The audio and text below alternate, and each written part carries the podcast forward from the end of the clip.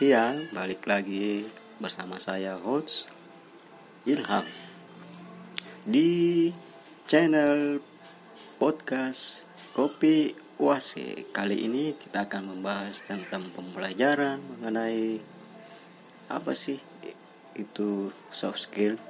Nah, katanya sih pemirsa, soft skill itu ada dalam diri kita.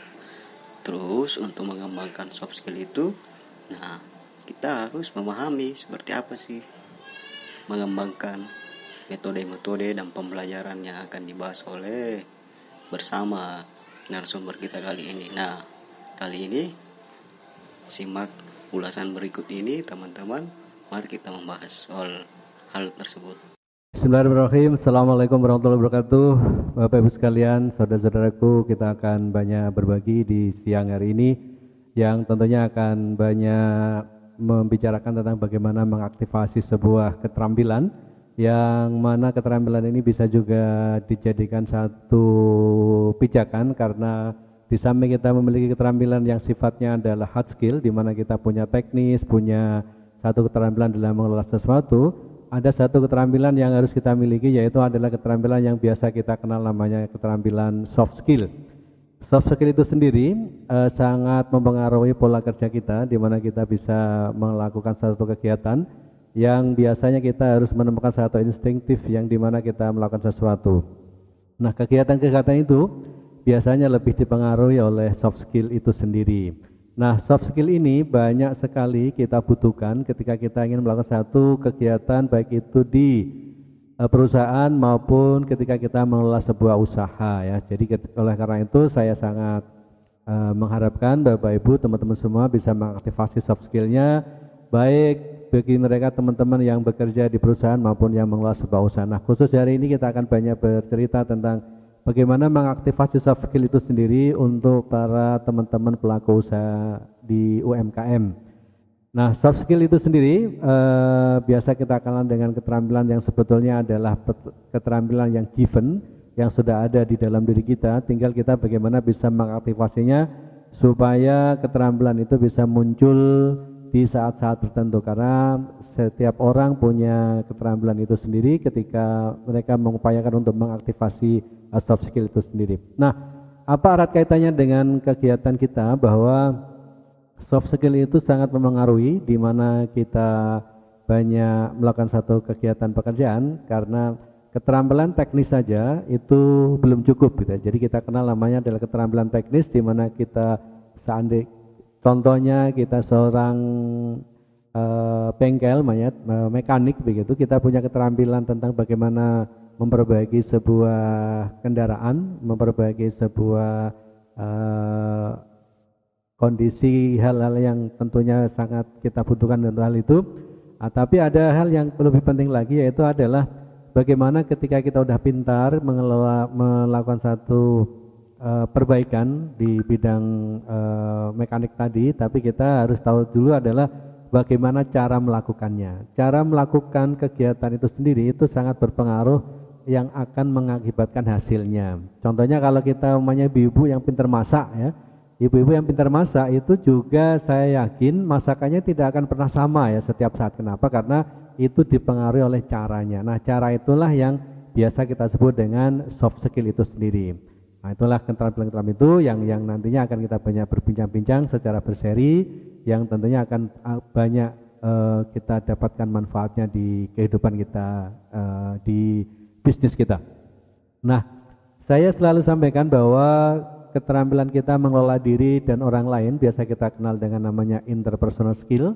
Kemudian kita juga punya keterampilan-keterampilan lain yang tentunya akan sangat bermanfaat buat kita untuk bagaimana bisa berinteraksi dengan banyak orang. Karena kita nggak bisa hidup uh, tanpa berinteraksi dengan orang banyak karena uh, siapa pun orangnya pasti butuh orang lain. Nah bagaimana kita menginformasikan sesuatu kepada orang lain itulah yang kita sebut nanti namanya adalah interpersonal skill yang itu adalah bagian dari soft skill itu sendiri. Nah, yang paling penting dalam soft skill ini adalah uh, ketika kita melakukan satu kegiatan yang intinya dibutuhkan setiap saat yaitu yang pertama adalah biasa kita kalian namanya critical thinking skill ya. Nah, biasa kita sebut kecepatan berpikir. Nah, kecepatan berpikir ini sangat menentukan hasil kerja kita karena ketika kita melakukan sesuatu kemudian kita lambat melakukannya pasti akan mempengaruhi hasil. Saya kasih contoh namanya Bapak Ibu e, mau pergi ke satu tempat kerja, tapi ketika mau ke tempat kerja ternyata tiba-tiba tidak ada angin, tidak ada hujan, tapi tiba-tiba kendaraannya mogok namanya. Nah, ketika kendaraan mogok itu pasti dibutuhkan satu namanya kecakapan yaitu critical thinking skill, yaitu kecakapan berpikir cepat. Nah, kalau kita tidak mampu berpikir cepat, pasti mungkin kita akan pasrah-pasrah saja dan akhirnya tidak akan sampai ke tempat kerja. Oleh karena itu, kecepatan berpikir ini sungguh dibutuhkan oleh siapa pun ketika kita menghadapi satu problem. Makanya critical thinking skill ini lebih lebih dekat dengan namanya problem solving. Problem solving itu sendiri pasti kita mampu melakukannya ketika kita sudah sering melakukan uh, mengalami dan juga kita bisa melakukan mencari way out-nya, mencari solusinya itu pasti kita akan semakin lama semakin bisa melakukan satu uh, problem solving itu sendiri. Nah, critical thinking skill itu adalah salah satu bagian besar ya yang ketika kita memiliki sebuah ketakapan di di soft skill itu sendiri. Kenapa? Karena biasanya ada orang yang ketika menghadapi satu tantangan, menghadapi satu masalah langsung pasrah-pasrah saja. Dan banyak juga di antara kita yang sudah memiliki critical thinking skill bagus, biasanya uh, tidak ada masalah pun yang tidak terselesaikan. Jadi semua masalah itu bisa terselesaikan dengan baik. Tinggal bagaimana nanti kecepatan, bagaimana menghadapi uh, kepanikan itu sendiri juga sering kita dapatkan. Nah, ketika kita mengalami satu e, masalah itu juga tergantung bagaimana kita bisa mengatasinya. Jadi tidak ada masalah pun yang tidak bisa di, diselesaikan. Kemudian yang kedua, teman-teman sekalian, e, kita punya namanya communication skill ya. Communication skill itu adalah bagaimana kita bisa mengelola komunikasi kita dengan orang lain. Nah, komunikasi ini sangat penting buat kita karena tidak ada seorang pun yang tidak melakukan komunikasi dengan orang lain. Nah, e, kemudian bahaya sekali bahaya sekali ketika kita juga tidak memiliki satu pola komunikasi yang bagus. Istilahnya kalau kita ingin berhasil, tentunya kita harus memiliki satu komunikasi yang bagus kepada siapa pun. Nah, nah untuk komunikasi ini banyak sekali karena nanti kita akan coba uh, jelaskan lebih rinci ya. Kenapa sih kok komunikasi itu penting ya? Satunya adalah tadi. Jadi kalau kita ingin mengatakan sesuatu kepada orang, itu kita harus cari gimana bahasa yang bagus, kemudian kata-kata yang kita cari itu yang pas untuk kita sampaikan apa, kemudian di mana kondisi yang bagus kita ingin sampaikan itu seperti apa, itu harus ada ada dalam pola-pola komunikasi yang kita kembangkan. Contohnya namanya kalau kita ingin bertamu ke rumah orang, kemudian kita ingin e, bernegosiasi kepada orang itu, tapi waktunya nggak tepat, apa pun yang akan kita sampaikan pasti tidak akan masuk di di apa di benaknya. Tapi kalau kita melakukan satu komunikasi, negosiasi dan pas waktunya, insya Allah itu akan bisa uh, bermanfaat bagi kita dan akan memiliki dampak yang luar biasa. Begitu juga kalimat-kalimat, kata-kata yang kita sampaikan kepada orang pun itu juga akan sangat berdampak. Saya kasih contoh, makanya kalau saya ingin panggil bapak, ibu itu dengan mas, dengan uh, bapak, dengan daeng itu kan salah, salah satu cara bagaimana kita bisa melakukan satu komunikasi pendekatan dengan menggunakan eh, sapaan-sapaan yang lebih akrab kepada uh, teman komunikasi kita.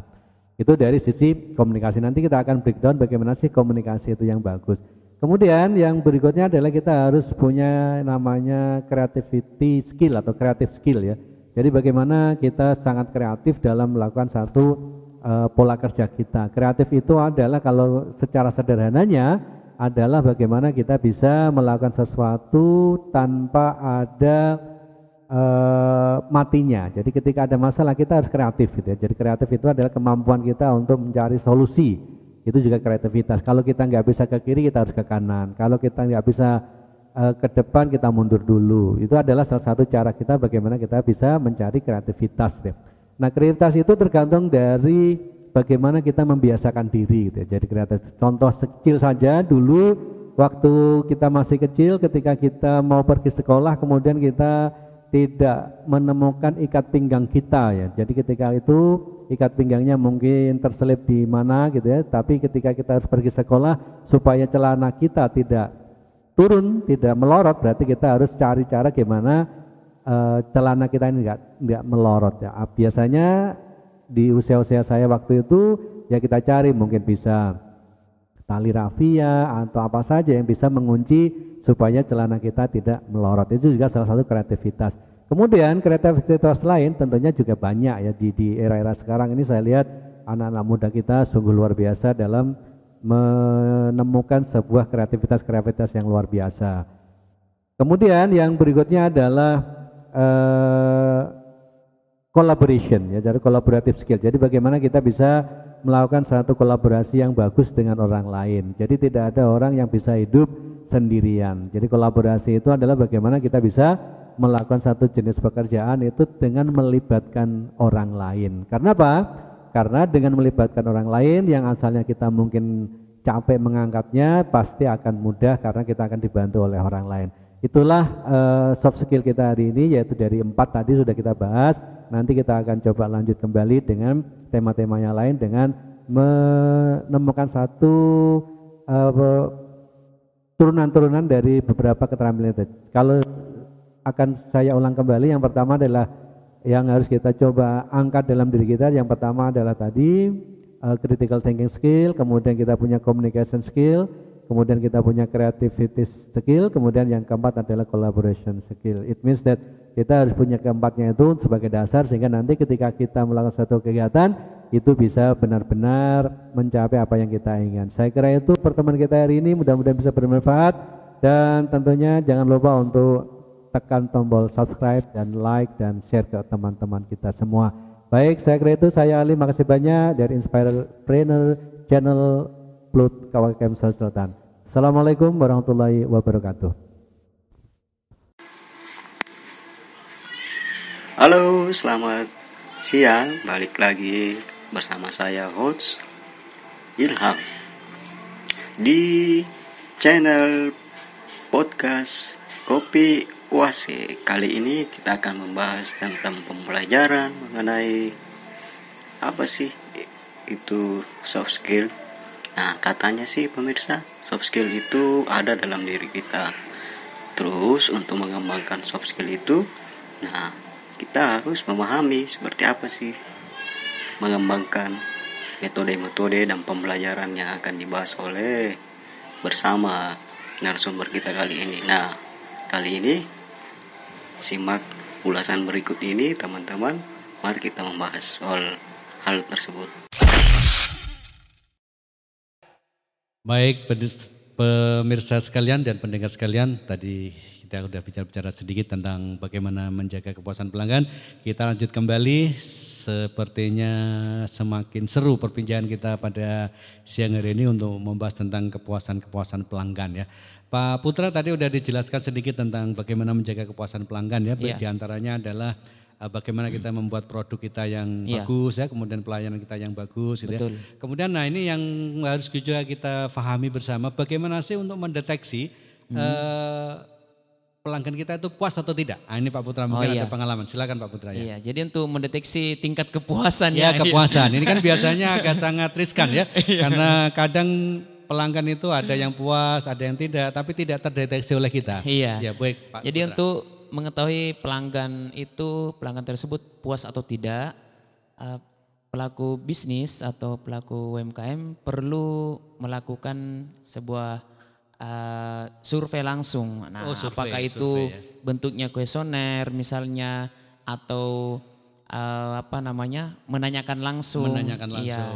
Iya. Jadi bisa misal da, dalam bentuk kuesioner kalau misalnya kita ke apa namanya toko retail modern seperti ah. Alfa ya, yeah. nah, sering kali kasirnya itu menanyakan ke kita ya yang mm. sudah berbelanja mm. uh, bagaimana pelayanannya. Mm. Nah yang terbaru sekarang mereka punya layar disediakan Betul. di depan kasir, mm. Anda tinggal pencet di situ apakah anda puas atau tidak. Mm. Nah gitu. Mm. Kalau setelah direkap dalam sehari mereka bisa mengetahui bahwa pelanggan yang puas itu ada sekian, yang tidak puas ada sekian. Hmm. Nah lebih detailnya lagi ketidakpuasannya itu dalam hal apa? Yeah. Nah nextnya bisa dibuat uh, semacam itu apa kuesioner, uh, kemudian bisa juga ditanyakan langsung atau bisa melalui uh, media apa namanya media eh, online seperti mengirimkan eh, apa SMS atau WA atau via email. Nanti pelanggannya bisa eh, apa namanya me- mengisi di format tersebut dan pelaku usaha bisa mengetahui bahwa ketidakpuasan pelanggan itu eh, seperti dalam hal eh, apa pelayan tokonya kah atau kasirnya atau mungkin produknya ada yang kurang bagus. Misalnya produknya banyak ditemukan yang sudah expire. Mm-mm. gitu. Hmm, Oke, itu kan dari dari apa supaya kita memahami dan tahu juga bahwa pelanggan kita itu pas atau tidak gitu ya. Iya.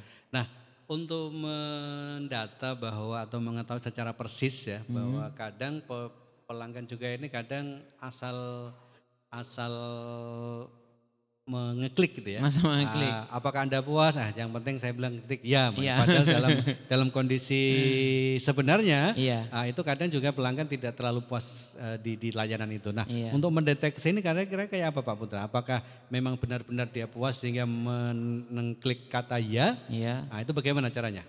Itu bisa juga kita lakukan. Jadi metode yang lain eh, metodenya saya kira itu mirip ya mirip dengan kuesioner. Tinggal bagaimana bisa pelanggan tersebut lebih serius mengisinya. Hmm, mungkin hmm, bisa hmm, dibarengi iya, dengan apa namanya semacam gimmick dari eh, perusahaan Ya. atau pelaku usaha Ah, ah. eh, atau memberikan reward. Jadi ketika diisi dengan baik, maka akan diberikan reward Mm-mm. seperti ini, misalnya diberikan voucher kah atau eh, apa namanya dalam bentuk barang. Mm-mm, mm. Nah gitu. Oh ya, eh, itu salah satu kuncinya Iya, ya, salah sehingga kadang kita harus melakukan itu walaupun kadang tidak semua pelanggan juga Iya. berkenan untuk menindis ya atau tidak ya Iya. dalam itu nggak usah kita paksa ya dalam artian ya. Apakah harus paksa harus ini? ya? Nggak, nggak- nggak harus juga ya. Iya. Kalau untuk saya kira kalau pelanggan itu kan kebutuhannya apalagi eh, memang itu sudah menjadi kebutuhan yang rutin ya. Ya, ya, hmm. Saya kira mereka eh, akan lebih serius, akan lebih serius mengisinya. Hmm, hmm, hmm. Eh, karena untuk kebutuhan eh, dan kesenangan jangka panjang. Oh, Jadi eh, persentase untuk Hmm. mengisi secara cuek misalnya atau serius, saya kira eh, pengisian secara eh, serius itu atau survei secara serius lebih lebih banyak dilakukan oleh para pelanggan.